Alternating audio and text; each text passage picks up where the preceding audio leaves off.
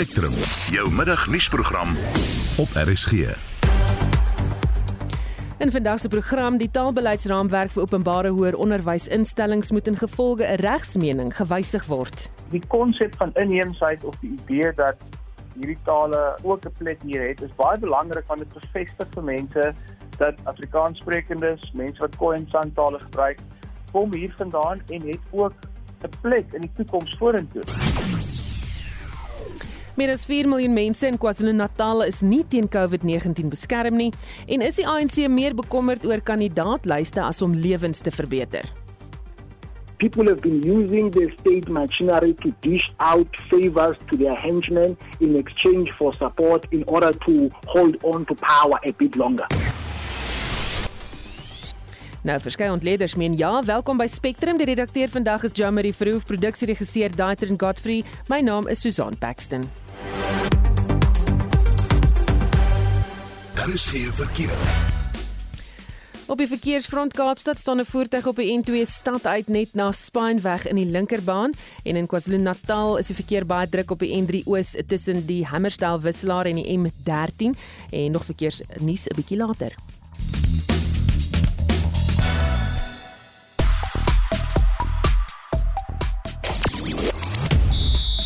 Terwyl dit gons met die chequeboek by die Sharks het Wêreldbeker wenner Sponkosi besluit hy pak sy sakke vir Pretoria. Die Shark gaan 'n bil word. Sal Amerika vir die eerste keer 'n rugby Wêreldbeker aanbied? Ons sal vanaand hoor wanneer Wêreldrugby die lande bekend maak vir die volgende 5 toernooie sal huisves. En Manchester United se nuwe afrigter Erik ten Hag sluit sy tyd by Ajax af met sy 6ste liga titel in die Eredivisie in die Nederland. 'n Volledige bulletin volg net na 12:30. Goeiemiddag, ek is Marlene. Nou Twitter-gebruikers bars uit al nate van opgewondenheid oor die aankondiging dat die musiekfees Rocking the Daisies na 2 jaar weer gaan plaasvind. Die gonswoord daar is daisies, maar op 'n ernstiger trant heers daar heelwat ontevredenheid oor aantuigings van die Suid-Afrikaanse Jeugraad dat skoolmeisies deur buitelanders gebruik word om sekswerk te doen in Kaapstad. Jongste voorbeeld is na bewering 'n graad 9 leerling in Parklands. En dan eh, 'n webinar oor kernkrag in Afrika word môre gehou met die klem op streeks en internasionale samewerking. Kernkrag word natuurlik ook gebruik om krag op te wek. Ons wil by jou weet, dink jy dit is 'n goeie plan dat Suid-Afrika op kernkrag steun vir sy kragdoeleindes? Vertel ons wat jy dink. Stuur 'n SMS na 45889. Dit kos R1.50 per boodskap of praat saam op die Monitor en Spectrum Facebookblad. Jy kan ook 'n stemnota stuur na 076 536 6961 net weer die nommer 076 076 536 6961. My eie familie het nie gehou van wat ek doen nie. Ek kon nie teruggaan na my geboortedorp toe vir jare nie. Maar dit was 'n skande. Dis 'n kroonstad. Dis, ja, dis 'n skande wat ek gedoen. My pa was 'n bietjie skaam oor hierdie seun van hom uh wat onder die kommuniste verval het. In die laaste aflewering van 3 vertel Max de Pre oor sy skandes. Luister Saterdag tussen 12 en 1 na Naweek op Chill. Spectrum, jou middagnuusprogram op RSG. Dis nou presies 6 minute oor 12 en Afrikaans en die Khoi en San tale is inheemse tale van Suid-Afrika en moet ook so in die taalbeleidsraamwerk vir openbare hoër onderwysinstellings weerspieël word. Dit is bevestig deur 'n regsmening wat die minister van hoër onderwys, Dr. Blyden Semandi ingewin het. Die DA parlementslid, Dr. Leon Schreiber sê die klassifikasies beteken dat die huidige taalbeleidsraamwerk wat op 1 Januarie vanjaar in werking getree het, teenstrydig is met die grondwet. Die regsmening is blykbaar al in Oktober verlede jaar ingewin. Intussen het minister Nzimande aangehou om die klassifisering van die totale as uitheems te verdedig. Die minister het sy voete gesleep vir amper 4 maande lank en ek het toe vroeër die week 'n appel geloods in terme ook van die FAIA wetgewing om weer aan te dring dat hulle die regsmening aan my beskikbaar maak en dit het toe wel gister gebeur. En die regsmening sê dat hierdie tale inheems is dat die grondwet hof dit reeds bevestig het en dat die taalbeleidsraamwerk strydig is met die posisie van die grondwetlike hof. Hy verduidelik hoekom dit belangrik is vir Afrikaans en Khoi en San tale om as inheems geklassifiseer te word. Die risiko wat dit ingehou het is dat vir die volgende 20 jaar lank kon Afrikaans en dan ook Khoi en San tale waarskynlik nie aanspraak maak op die hulpbronne en ondersteuning wat die regering of universiteite dan aan inheemse tale beskikbaar maak nie.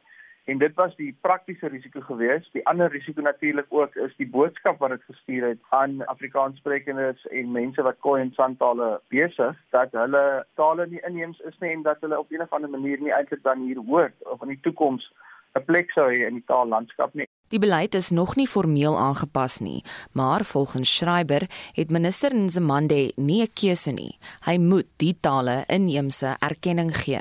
Die regsmening is baie duidelik. Dit sê die minister moet nou die taalbeleidsraamwerk aanpas en dit waarsku hom ook dat as hy dit nie doen nie en daar 'n hofgeding volg of enige ander aksie van die DA se kant af dat dit vir koste uitgawes sal wees om hierdie posisie te probeer verdedig want dit is eenvoudig sinneloos soos wat ons nog die hele tyd sê om te probeer argumenteer dat hierdie tale nie inheems is nie. En ons hoop die minister gaan nou uiteindelik luister na sy eie regsmening, die taalbeleidsraamwerk aanpas en ons gaan beslis aanhou om die druk hoog te hou totdat hy dit doen. Maar ons glo hy het nou nie meer 'n keuse nie. Hy gaan dit moet doen. En daai opsig beteken dit dan dat ons verseker dat hierdie tale ook hulle regmatige plek kan inneem en kwalifiseer vir hulpbronne en ondersteuning. Die DA parlementslid Dr Leon Schreiber Jan Marie Verhoef vir SAK nuus.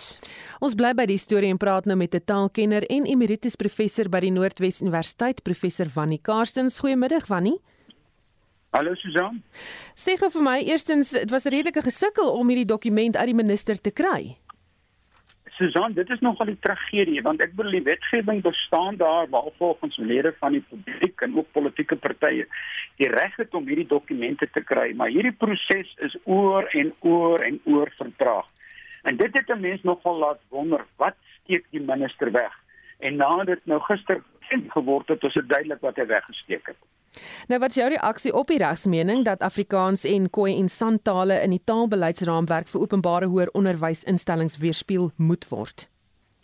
Susan, ek vind dit ontsettend belangrik. As ek nou kyk na die vorige ene toe Afrikaans en ook die Khoi en San tale uitgesluit is, dan het jy begin dink, waarmee is hierdie mense besig? Rook hulle pyp op? Wat doen hulle?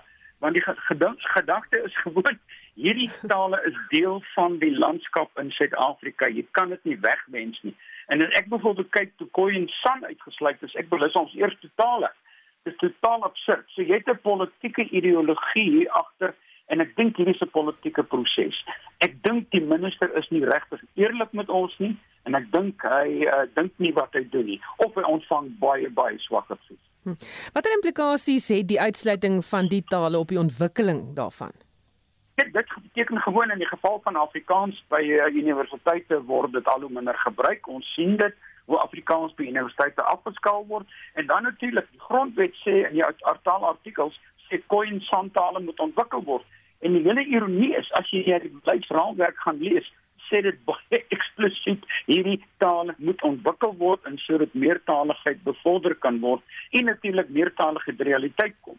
En nou kom die minister en hy haal van die tale uit dit is vir jou 'n duidelike blik op 'n politieke aanslag op hierdie tale.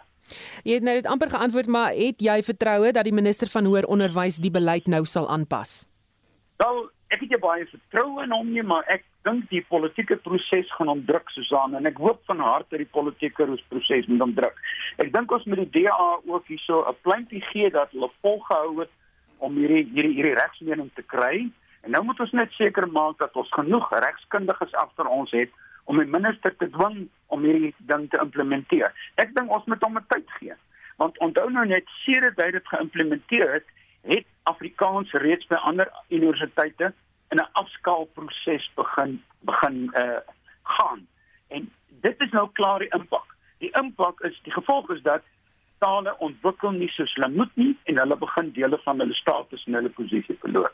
Dit is 'n tragedie en ons moet die minister hiervoor blameer. Baie dankie. Dit was professor Vannie Karsten, se taalkenner en emeritus professor by die Noordwes Universiteit. Verskeie politieke ontleeders waarsku dat die ANC se kieskonferensies nie gewone Suid-Afrikaners prioritiseer nie. Dit volg op die 9de verkiesingskonferensie van die ANC in die Oos-Kaap waar Oscar Mabuyane as provinsiale voorsitter herkies is. Dit gee ANC president Ramaphosa se veldtog vir 'n tweede termyn 'n hupstoot. Ontleeders sê wanneer hulle vir die afgevaardigde stem, is partylede meer bekommerd oor kandidaatslyste as om lewensgehalte te verbeter. Oscar Mabuyane, die herverkose Oos-Kaapse voorsitter van die ANC, het hierdie belofte aan inwoners gemaak. We've made tremendous strides in addressing socio-economic challenges of our communities, but many masses of our people still yearn for jobs. They want us to lift them out of poverty. They want better services and development of their communities. We have a plethora comrades, of opportunities to make meaningful change in our province as investors are positively looking towards our province. The ANC must ensure that it is its employees in government do not mess things up where they lead. We must remember, comrades, that we are in the 28th year of our democracy. But many of our communities have not tasted the fruits of freedom. That means, comrades, we must be agile going forward in using state power to transform the lives of our people. Mabuyane is aan die stuur van die provinsie met die hoogste werkloosheidssyfer, meer as 47% in die land. Die Oos-Kaap het ook ander uitdagings. Armoede en korrupsie vier hoogtye in die provinsie. Ondanks sy vertoning is Mabuyane herkies wat sy mededinger vir die posisie van voorsitter, Babalo Madigizela, verslaan het. Mabuyane het meer as 800 stemme gekry teenoor Madigizela se 662. Mabuyane se herverkiesing kan die ANC president Cyril Ramaphosa se veldtog vir 'n tweede termyn versterk. 'n Politieke ontleder, Dr Ntsikilelo Breakfast, twyfel of dit veel vir die inwoners in die provinsie sal beteken. When you examine the anti-poverty strategies, they have not bore fruit. Uh, what we have seen in the Eastern Cape throughout history is the employment of the state machinery as a center of accumulation. Uh, people have been using the state machinery to dish out favors to their henchmen in exchange for support in order to hold on to power a bit longer. So even uh, Oscar Mabuyana, he has been uh, employing political capital in pursuit of personal uh, accumulation for purposes of upward social uh, mobility. Tydens die konferensie het Ramaphosa die verkose leierskap aangemoedig om die behoeftes van inwoners te prioritiseer. Hy het hom eenheid gepleit en gesê net die party kan die provinsie van sy ellende verlos. You are coming into your leadership position at a critical time for the province, for our movement and for our country as a whole. Our foremost task as the African National Congress is to be the servants of our people. as you are elected now, you are now a real servant of the people to serve. We are also here so that you, as well as the entire ANC here, should be at the forefront of improving the lives of our people and the recovery of our economy through reducing unemployment, eliminating poverty, hunger, and increasing investment and economic growth here in the Eastern Cape. Dit sal 'n opdraande stryd vir die ANC in die provinsie wees. Die politieke ontleder, Sandile Swana, sê die partye in die Oos-Kaap val gewone mense al dekades lank. The ANC in the Eastern Cape has been a very unfortunate phenomenon from the 1990s. The ANC has failed to provide economic leadership and prosperity in the Eastern Cape. The Eastern Cape is failing in every measure. Economically, in education, it's difficult to identify something that the Eastern Cape is successful in. Politically, the, about political power and then manipulating national politics as who becomes president. That has been their understanding of politics since the 1990s. They've done absolutely nothing for the ordinary people, totally divorced from the bread and butter issues of the people of the Eastern Cape. Intussen, tydens sy verkiesingskonferensie verlede maand, het ANC afgevaardigdes in Mpumalanga vir Mandla Ndlovu as sy voorsitter verkies. Hy het ook onderneem om op dienslewering te fokus. Die verslag van Zolega Godashi, Akas Vincent Mufokeng vir SAI Garnis. Nou ja, maak jouself weer gereed vir beerdkrag. Lyk like dit vir my Eskom het pas aangekondig dat fase 2 beerdkrag tussen 5:00 vanaand en 10:00 vanaand geïmplementeer gaan word. Wat COVID-19 betref, loop KwaZulu-Natal en Gauteng voor met die meeste nuwe amptelike gevalle die afgelope 24 eh, uur. Die gesondheidsowerheid in KwaZulu-Natal is boonop bekommerd oor die lae inentingskoers in die provinsie, maar hulle het verseker berig sowat 4,4 miljoen mense is nog nie ingeënt nie. In teenstelling hiermee is daar slegs in die omgewing van 2 miljoen mense wat hulle inentings ontvang het.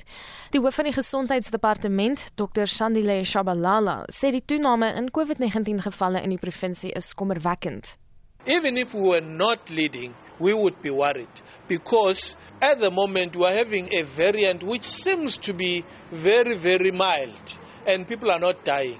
But if we were to get a variant that is very virulent, we would be worried because people will need to be admitted, people are going to die. So, with any new case, we are definitely worried. Shabalala sê die demografiese verskille wat inentings betref is opvallend. In almost all the districts in our province, black people are the ones that are not coming for vaccination. All the sites were full because mostly white people were vaccinating, followed by Indian people. Then in colored areas where there are more coloreds, coloreds would be coming in. But black people are resisting more. When we at some stage went, led by the MEC, to Umzinyati, engage some of the communities, we could see the numbers increasing. The issue was they had this fake news that they were hearing on social media and they were thinking this is the truth and they were going by that.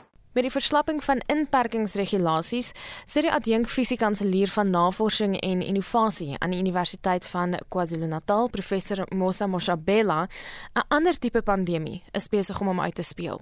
A lot of people are still saying, oh, but the deaths are not going up. Oh, but hospitalization is not going up. There's no pressure on the health system. Now we need to be looking at different metrics. And even this delay, for example, of not declaring the fifth wave, it's a problem because South Africans depend on the government declaring the fifth wave to take things seriously, to receive guidance on what to do Die nasionale begroting vir inentings beloop vanjaar 2 miljard rand.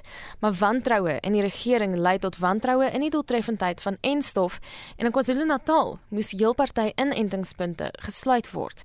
Die verslag deur Nonkululeko Slope, Marlene Forsie, SAK nuus. Die Chinese regering is steeds besig om baie streng COVID-19 maatreëls toe te pas om die pandemie daar onder beheer te kry.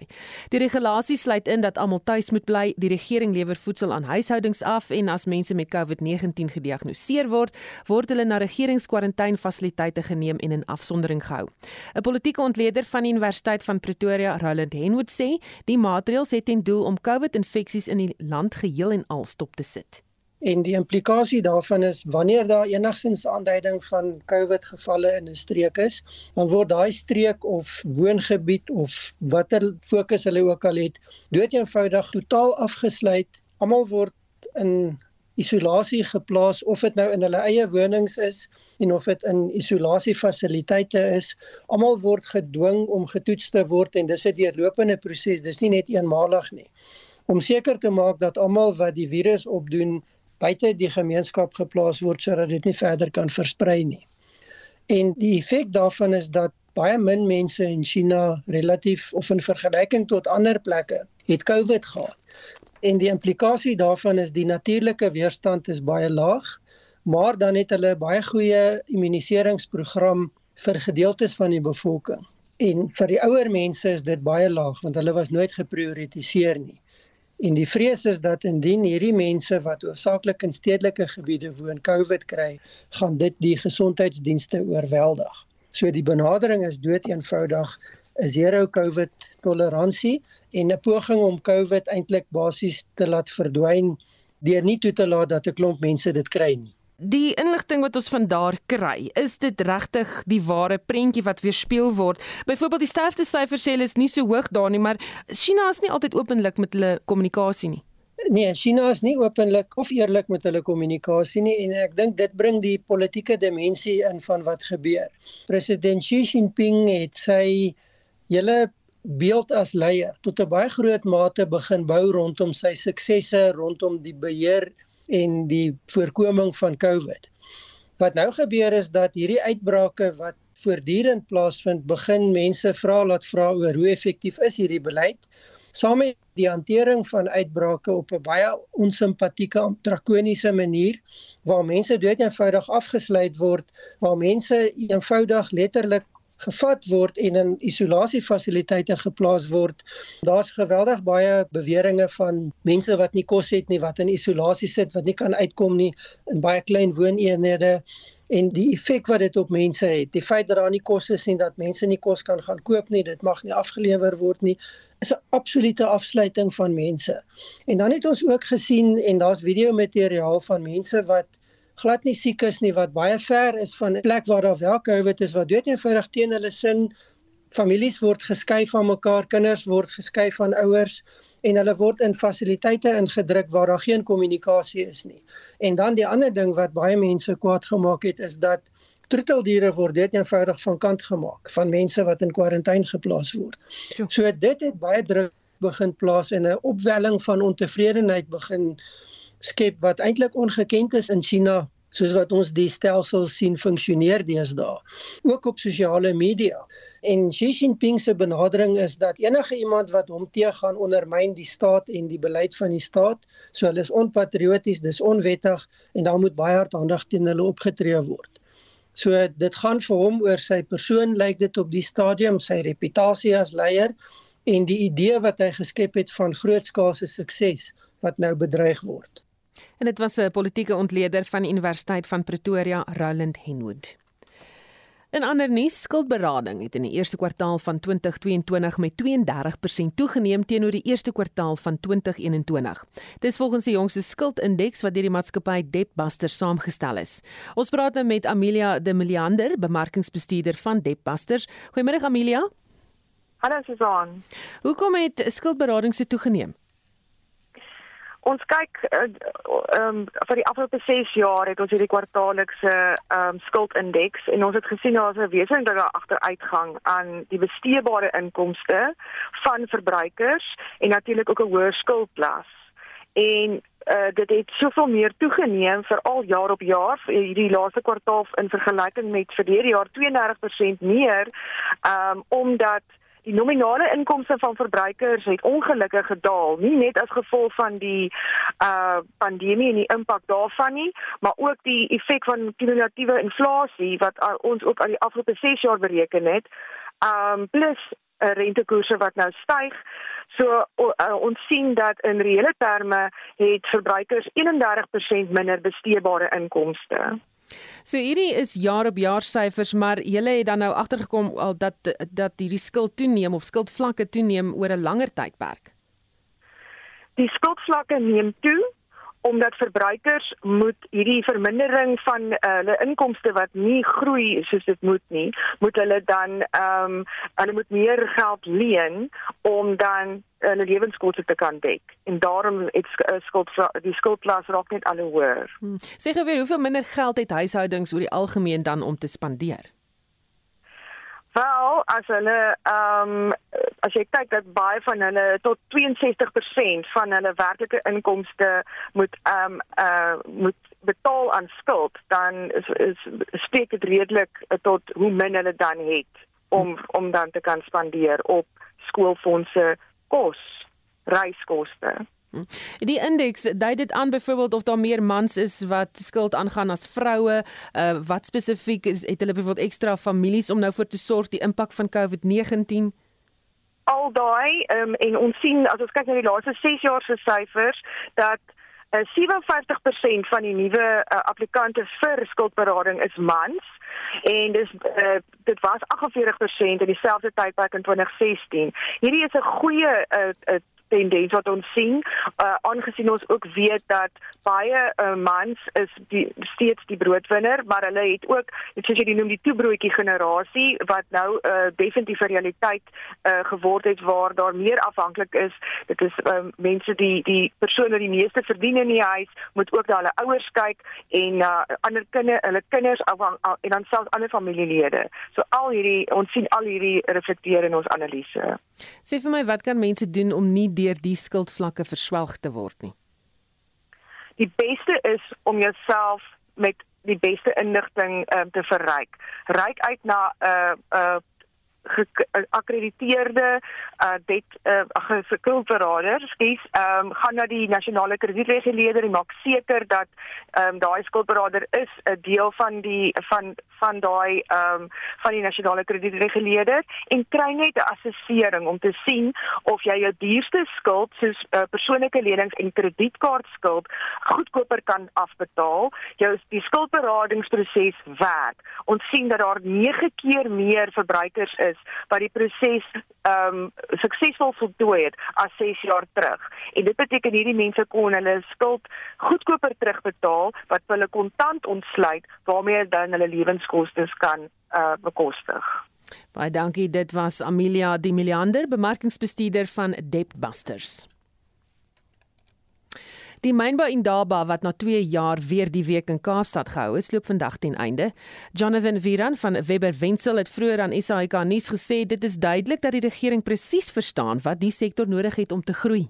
I believe that they, they both do understand what the, the issues are. But as is um, common in South Africa and with the South African government, there's very slow progress on implementation. I think the president particularly articulated the issues that the South African mining industry would need to overcome, but we need proper follow through when it comes to implementing regulations or implementing an administration that can remove the red tape and encourage investment and exploration in South Africa. Viran sê een van die groot probleme wat die week geïdentifiseer is, is die departement van energie en minerale se kapasiteit om rekord te hou van wie, waar en wat myn. You're talking about the SAMRAD system. It hasn't it has uh, uh, works in ebbs and flows. So some days it doesn't work at all. And in fact, the, the minister announced that the Council for Geosciences will be putting in place its own geographical mapping software. Out of interest, I had a look at that software and that website that they put out, and unfortunately, it just gives you information that you can generally assess from the record. So it doesn't actually become part of a holistic cadastral system where you can determine, as you said, who is mining what where. And that's particularly important. If you look at all the countries that sit at the top end of the Fraser Institute, they all have open access. They all have the ability to assess who is mining what where, and it's a completely open and clear system. En dit was Jonathan Viran van Webber Wensel later in die program nog oor die storie. Spectrum, jou middagnuusprogram op RSG. In die program daar is geen spesifieke weermagbeleid wat die gebruik van cannabis of die feit dat cannabis spore in jou bloed opgespoor word jou outomaties ongeskik maak vir diens in die weermag of voortgesette diens in die weermag nie. Lugmagrekrute sleep die Suid-Afrikaanse nasionale weermag hof toe omdat hulle ontslaan is vir die gebruik van dagga. Finland wil by NAVO aansluit. It seems that until the 24th of February, we had a slightly naive and wrong impression of what kind of a country Russia is. In when somebody just drops that bomb on you that you're not expecting, like, here's the situation. I felt like I was in a movie. 'n Koelkop passasier word 'n onopsetlike vleenier. Bly ingeskakel. Daar is geen verkeer. By verkeersfront N3 eh, rigting Durban naby die Howick Noord 2 die wisselaar 107 was daar 'n botsing vragmotor wat daar betrokke is en die verkeer is 'n bietjie stadig. In Kaapstad staan 'n voertuig op die N2 standheid net na Spineweg in die linkerbaan en dit is jou verkeersnuus.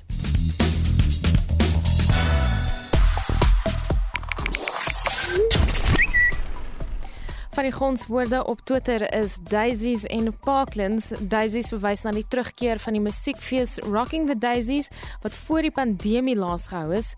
Parklands verwys na aantuigings dat skoolmeisies in Kaapstad deur buitelanders gebruik word om sekswerk te doen. Die jongste voorbeeld is na bewering 'n graad 9 leerling in Parklands. Dankie Marlene, dis nogal 'n ernstige storie daarin. Dan 'n uh, klomp SMS terugvoer wat teruggekom het oor die kernkragvraag. Wil uh, wil jy ons kernkrag gebruik om krag op te wek of nie?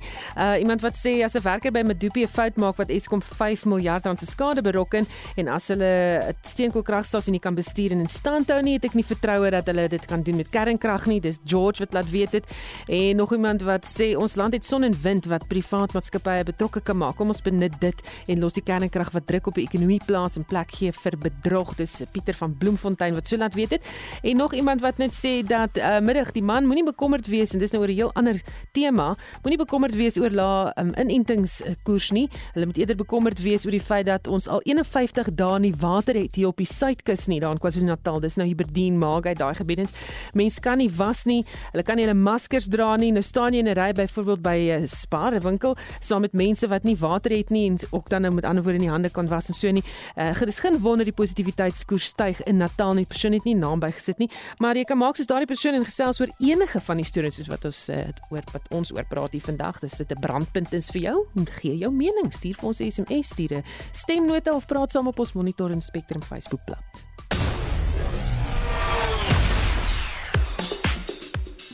Kollega Oudo Karel sê die jongste sportnuus. In die groot rugbynuus op tuisbode met die bulle met haas vandag op hulle sosiale media rekeninge aangekondig dat Spoon Kossie by hulle gaan aansluit vir volgende seisoen.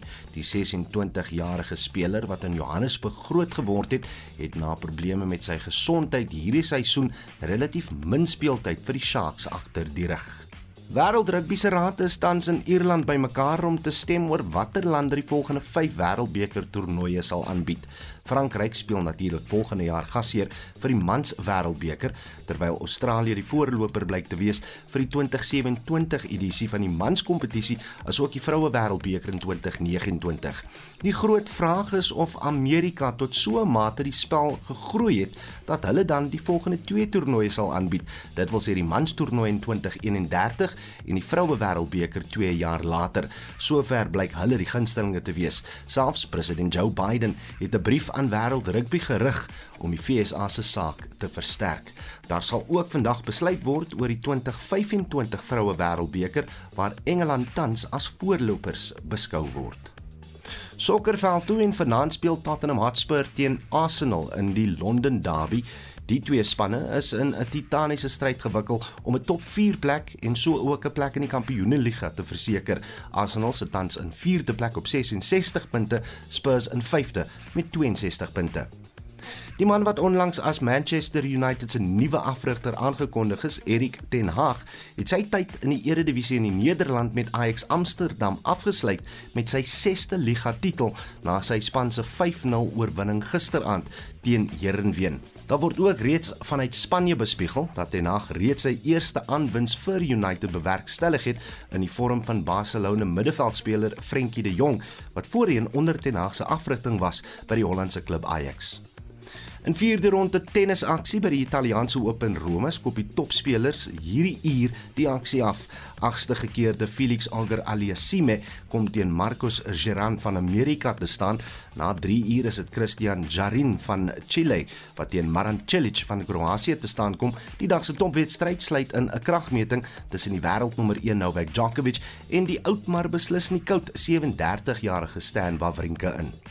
In cricketnuus is daar besluit dat die 3 toetsreeks tussen Suid-Afrika en Australië wat verlede jaar weens COVID-19 afgelas is, vervang sal word met 5 eendagwedstryde en 3 T20 wedstryde tussen die twee reëse. Die reeks is vasgestel vir Suid-Afrika in Augustus 2023. Die twee lande sal natuurlik die einde van hierdie jaar kragte meet in Australië in die Proteas se heel eerste feesseisoenreeks in die buiteland sedert 2008. En in vandag se IPL aksie is dit moeilik om te verduidelik, maar die twee mees suksesvolle spanne in die geskiedenis van die kompetisie speel vandag teen mekaar, maar as die laaste en tweede laaste spanne op die punte leer. Die Chennai Super Kings en die Mumbai Indians pak mekaar vandag aan. Udo Karlse met die jongste sportnuus. Spectrum, jou middagnuusprogram op RSG. Sin 1237 die Suid-Afrikaanse Nasionale Weermag Unie sê vier mans wat uit die lugmag se vlieëniersopleidingsprogram geskop is omdat hulle positief getoets het vir dagga, het 'n regsaak aanhangig gemaak om die ontslag in die hof teen te staan. Die vier mans voer aan hulle gebruik dagga as 'n mediese produk en is op kort kennisgewing opgeroep na die kursus. Hulle voer ook aan dat die weermag nêrens gesê het dat hulle nie die produk vir mediese doeleindes mag gebruik nie. Die nasionale sekretaris van SANHU, Pikkie Greef sê die mans het 'n punt beet. Ja, ek dink in die eerste plek is dit die feite is dat die betrokke rekrute uit die diens van die weermag ontslaan is as gevolg van hierdie hele rede. Dan sou daardie ontslag onregmatig wees want dit is nou ongeag die rede vir die ontslag. Die proses moet ook korrek gevolg word in terme van 'n dissiplinêre verhoor van soorte waar elke party se kans kry om sy kant van die saak te stel waar beleide getoets word en waar skuld bewys word. Nou, dit is nie gedoen nie en dit is daarom baie duidelik onbillike ontslag. En hulle sou geregtig wees sou mens dink op heraanstelling. Die tweede aspek ek dink wat daar belangrik is is dat die weermag nou so 'n bietjie stof opskop oor dat die rekrute hulle na bewering sou mislei het in die aansoekvorms om nie aan te dui dat hulle cannabis of watter middel ook al gebruik nie. Daar is geen spesifieke vraag na spesifieke middels in so 'n aansoekvorm nie. Daar's bloot 'n algemene vraag in, in terme van verslawing. So as 'n persoon nie verslaaf is aan iets nie, gaan jou antwoord op so 'n uh, vraag natuurlik negatief wees. Dit kom nie neer op misleiding nie. Inteendeel, dit maak die persoon bloot eerlik. Daar is ook geen derde plek, daar is geen spesifieke weermagbeleid wat die gebruik van cannabis of die feit dat cannabis spore in jou bloed opgespoor word, jou outomaties ongeskik maak vir diens in die weermag of voortgesette diens in die weermag of jou dan nou vatbaar maak vir outomatiese ontslag nie. Daar is eenvoudig nie so beleid nie. So ek is bevrees dat alles wat in die persberig verskyn en wat die weermag dan nou aanvoer as uh, die redes en die feite is eintlik maar almal feite wat teen die weermag draai.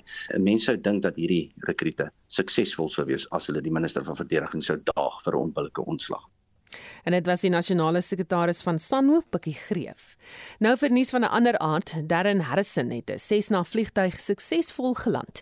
Op die oog af is dit nie hartskreende nuus nie, maar dan hoor mens dat hy nog nie 'n dag in sy lewe gevlieg het nie.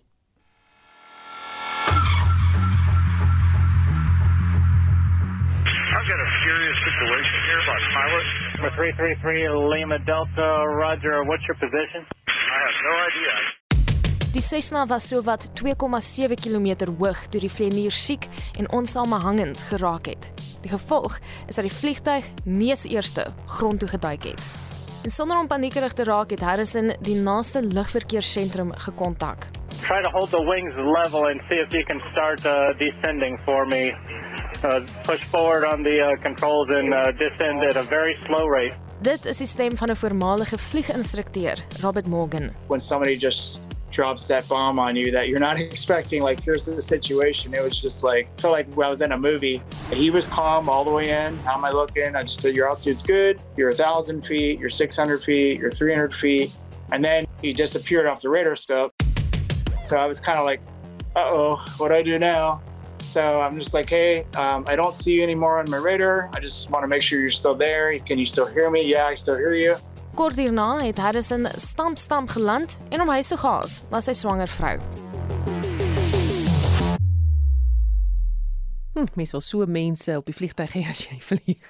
Nou nog niets na die by of in die buiteland kort nadat die Britse premier Boris Johnson veiligheidsooreenkomste met Swede en Finland onderteken het, te midde van die oorlog in Oekraïne het Finland aangedui dat hy gaan aansoek doen om 'n lid te word van die Noord-Atlantiese Verdragsorganisasie. Dit is 'n geskiedkundige oomblik vir die neutrale land wat 'n grens van 1390 km met Rusland deel. Finland laat dit nou al 'n geruime tyd lank deurskemer dat hy by NAVO wil aansluit en minister van buitelandse sake Pekka Haavisto sê hulle is bewus van Rusland se teenkanting teen so 'n besluit. Russia has said the decision is for Finns and Swedes to make. Secondly, if these countries join to NATO, this will have a political military changes. Our understanding of this response is that Russia maybe will have more military equipment on the border, and this will be a NATO border then. And of course, Russia will, will guard it in another way than previously. And then former President Medvedev said that then Baltic Sea will no more be a nuclear-free eh, area. The nuclear risks, of course, have been there always. Die voorsitter van Finland se komitee vir buitelandse sake, Jussi Halla-aho, sê hulle het geen ander opsie as om aan te pas by die tye nie. It seems that until the 24th of February we had a slightly naive and wrong impression of what kind of a country Russia is. We now know that Russia is prepared and willing to use reckless, brutal military force against its non-allied neighbors without provocation to further its expansionist imperialist agenda. Meningspeilings toon dat die finne sedert die begin van die oorlog toenemend te vinde is vir die idee. Voor die oorlog was ondersteuning om aan te sluit by NAVO tussen 20 en 30%. Nou staan dit op 76. James Reynolds is op die Imatra-grens tussen Finland en Rusland wat binnekort 'n NAVO-grens kan word. NATO adds an 800 mile long border to its territory, doubling the length of the NATO Russia border. And from Vladimir Putin's perspective, that does change the complexion of things here in the Baltic region. It means that he has to defend twice as long a border. It means that his own home city of St. Petersburg is now just a two or three hour drive from NATO territory, which would be here in Finland as well. Dit was 'n BBC-korrespondent op die Imatra-grens tussen Finland en Rusland, James Reynolds. Marlene Forsie is hy garnies. Ons bly by internasionale nuusgebeure.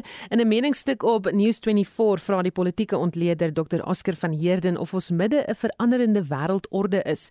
In die artikel waarskei hy subtiel dat daar twee kante aan die konflik in Oekraïne is en ons praat nou met hom. Goeiemôre Oscar.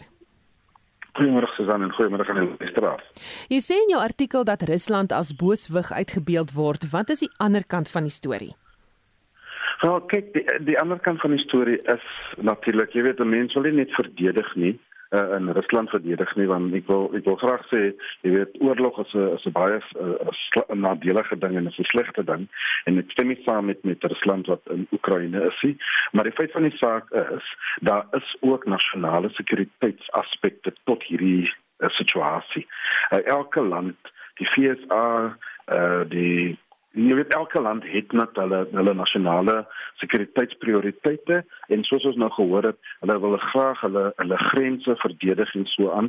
En die feit dat NAVO nou wil hê Oekraïne moet 'n lid word van NAVO, beteken dit vir Rusland dis 'n bedreiging vir hulle nasionale sekuriteit. Uh, hulle wil graag seker maak dat hulle nie heeltemal omsingel is met NAVO-lede nie en dit is die rede ek dink hoekom Rusland besluit het om hierdie drastiese stap te neem om te sê hulle gaan dit nie toelaat nie. Hm. Hoe beïnvloed die gebeure die internasionale geopolitiek? Oh, dit is groot groot uh, uh, gevolge. Jy weet, die feit van die saak, dat soos ons altyd maar gesien het, die FSA gaan in 'n sekere land en of dit nou Afghanistan is of dit nou Irak is of wat ook al en hulle het 'n sekere metode wat hulle doen hulle jy weet en en, en na die tyd en as hulle nou hulle hulle objektief ge, gebereik het dan is dit nou 'n herbou herbouing en so en so voort. Maar die feit van die saak is die die die FSA in in in ander lande en hierdie spesifieke konflik uh, waar Oekraïne 'n proxy is het ons nou gesien dat hulle het veel meer ehm uh, in hulle arsenal om seker te maak dat eh uh, lande soos Rusland ook geslaan word. Eh uh, die sanksies, die finansiële uh, situasie wêreldwyd waar hulle sekere banke toegemaak het. Hulle het sekere bankrekeninge gevries. Uh, sekere Amerikaanse organisasies soos Google en en Apple en Disney het uit, uit die land het onttrek. So dis alles tel tel tekens wat eh, 'n uh, land soos China en anders van ver af kyk en sê o, is dit nou die nuwe benadering tot tot oorlog?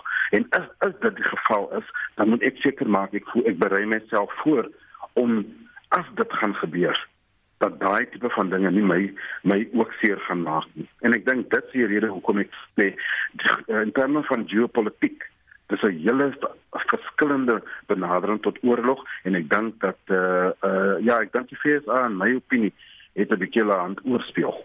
Hmm. En dit wat Rusland dan nou vrees, uh, jy weet blyk om waar te word. Finland het nou aangedui dat hy dit oorweeg om 'n NAVO lidland te word.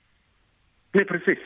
Jy weet en die, en die feit van die saak is soos ons weet na Wêreldoorlog 2, die Tweede Wêreldoorlog het was daar sekere uh besluite geneem. NAVO het gesê hulle gaan nie noodwendig groter word nie. Hulle gaan nie nog lede in in in uh, hulle het eintlik uh gesê hulle gaan nie meer bestaan nie so die feit dat hulle nog steeds bestaan en groter en groter word en meer en meer lande aanvat as lede is natuurlik 'n uh, 'n uh, 'n probleem vir sekere lande soos Rusland.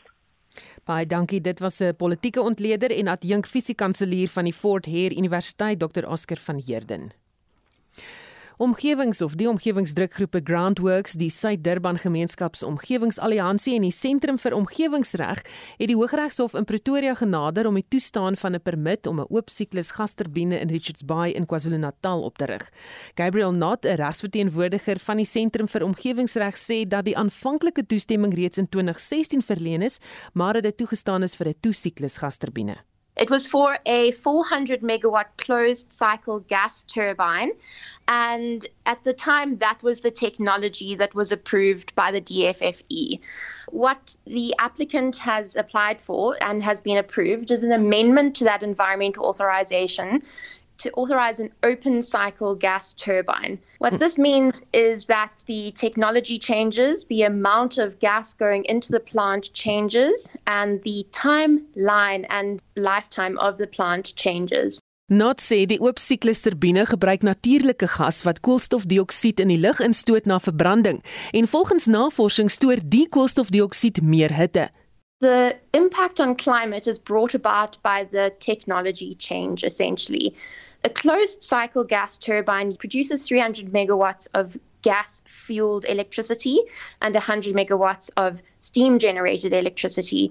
By changing the technology to an open cycle gas turbine, it's now a less efficient system essentially, so more gas is used to generate the same amount of electricity, i.e., 400 megawatts of electricity are generated by gas. That step change increases the climate impact of the project. And what our clients are putting forward is that when there is an impact of this nature, when the applicant applies for an amendment to the environmental authorization, the impact must be comprehensively assessed. And what does that mean? That means a climate change impact assessment at the time of application for the amendment. And that is what was not done. En dit was Gabriel Nott, 'n regsverteenwoordiger van die Sentrum vir Omgewingsreg. Markte het steeds gestyg vroeër na die aankondiging van die inflasiesyfers in die FSA. Die syfers het baie effens gedaal na 8,3% net onder die algehele hoogtepunt van 8,5%. Die syfers sal owerhede daar aanspoor om rentekoerse aan te pas en ons praat nou met 'n ekonom van die Buro vir Ekonomiese Onderzoek in Stellenbosch, Lisette Eysel de Schepper. Goeiemôre Lisette. Goeiemiddag. Hoekom is die res van die wêreld so senuagtig oor die FSA se statistiek? die inflasiekoers het wel bietjie afgeneem in vergelyking met die vorige maand, maar dit was vinniger as wat hulle verwag het of wat die konsensus verwagting was. En nou um, is daar bietjie angste dat die Federale Reservebank rentekoerse nog vinniger gaan moet opstoot ek dink hierdie angste is dalk bietjie bietjie overblown, maar nog steeds het aandelemarkte het, het skerp gedaal, uh, die dollar het versterk, uh, wat natuurlik gelei het tot die rand wat weer verswak het. Uh, en dit is voorkomer dat rentekoerse so vinnig gaan toeneem dat ekonomiese aktiwiteit in Amerika baie skerp gaan afneem. En wat sal ons Reservebank doen dan? Ook rentekoerse verhoog?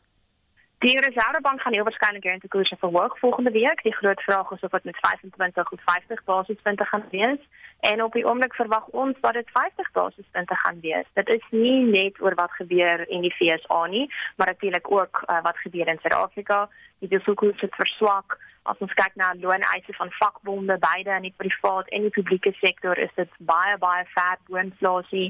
Ehm um, so ek dink dat ons volgende week ook 'n 'n groot verhoging gaan sien in Suid-Afrika. Jo, eina 50 basispunte. Goed. Ehm ja. um, intussen loop die mynbou in Daba vandag ten einde en mynbouproduksiesyfers is bekend gemaak. Hoe het die data vertoon? Die mynbouproduksie vir Maart was uh, redelik swak. Produksie was af met 9.3% jaar op jaar. Nou, daar was 'n bietjie van 'n basiseffek want daar was nogal sterk groei gewees in Maart uh, laas jaar. Maar nog steeds as ons kyk na van die uh, subkomponente was iets soos goudproduksie was af met 26% jaar op jaar. So dit sny 3.7 persentasiepunte af van groei en ten minste 'n deel van dit kan ons verduidelik deur die staking by groot uh, goudprodusent Sibanye Stillwater ysterheidsproduksie het met 24% geval en as dit nie vir 'n sterk toename van 44% in diamantproduksie was nie, sou die syfer nog heelwat swakker gelyk het. Hm. Dan gebrand van die mynbou in Daba, dink jy die regering het aan die mynbousektor wat die week nou vir die verteenwoordig is by die Indaba die versekering gegee dat dit steeds 'n optimale sektor is om in te belê? Ek dink Byvoorbeeld president uh, Ramaphosa se toespraak was redelik realisties en het aangespreek dat daar uh, groot probleme en moeilikhede is in die sektor wat deur die regering ook aangespreek moet word vorentoe. 'n uh, Deel van dit is is ehm um, byvoorbeeld as ons kyk na die misdaad, of ons kyk na onbetroubare kraglewering, logistiek probleme. Ehm um, so ek dink die regering was was heel bewus van dit. Die groot vraag is nou of daar hulp gaan kom en hierdie probleme aangespreek gaan word vorentoe. Baie dankie. Dit was Lesette Eysel, die Shepherd ekonom van die Buro vir Ekonomiese Ondersoek in Stellenbosch. Wanneer dit hulle pas dan sluit hulle oë vir die penarie wat ons binnelands het en dan vloei daai biljoene rande net na Kiba toe spesifiek. Not one of these ministers would have passed a performance assessment in the private sector. The campaign of our opponents has been that the ANC is corrupt, the ANC caused many problems to our country. Van die parlement tot hofsaake tot selfs voedselsekerheid. Al die kwessies wat jou raak. Kommentaar Sondae tussen 8 en 9 dan maak ons sin van die week se politieke kwessies net op RSG.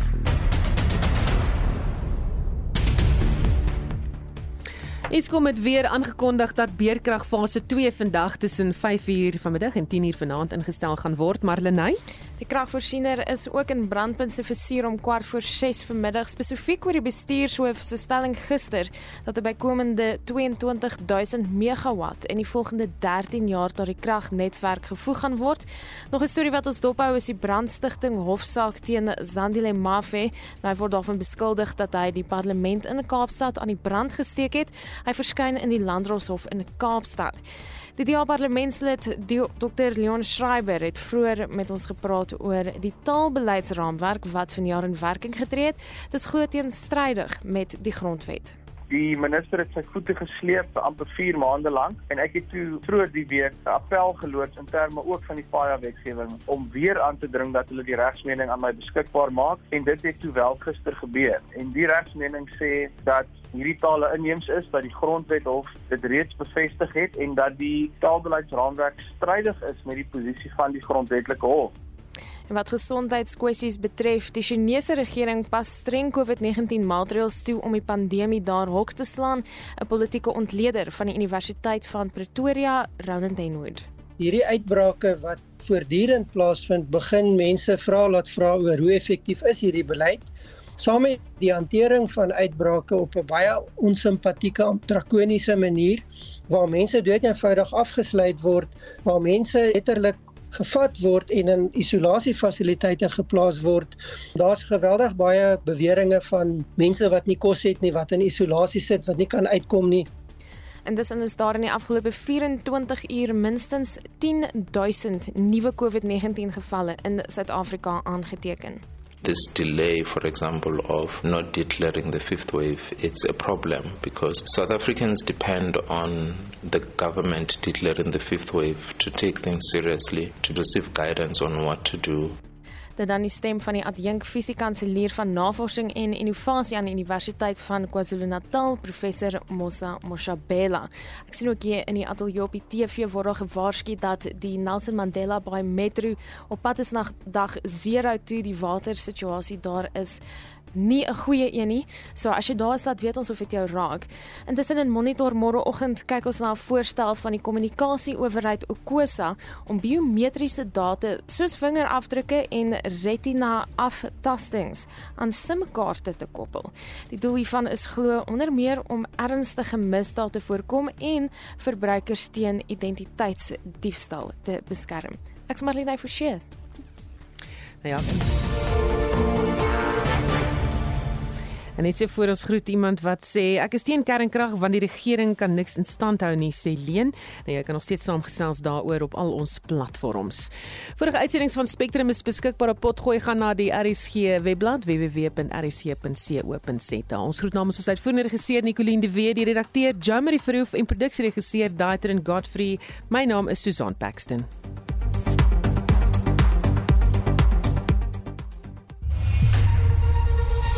SAK nuus. Onafhanklik, onpartydig. 1 Junie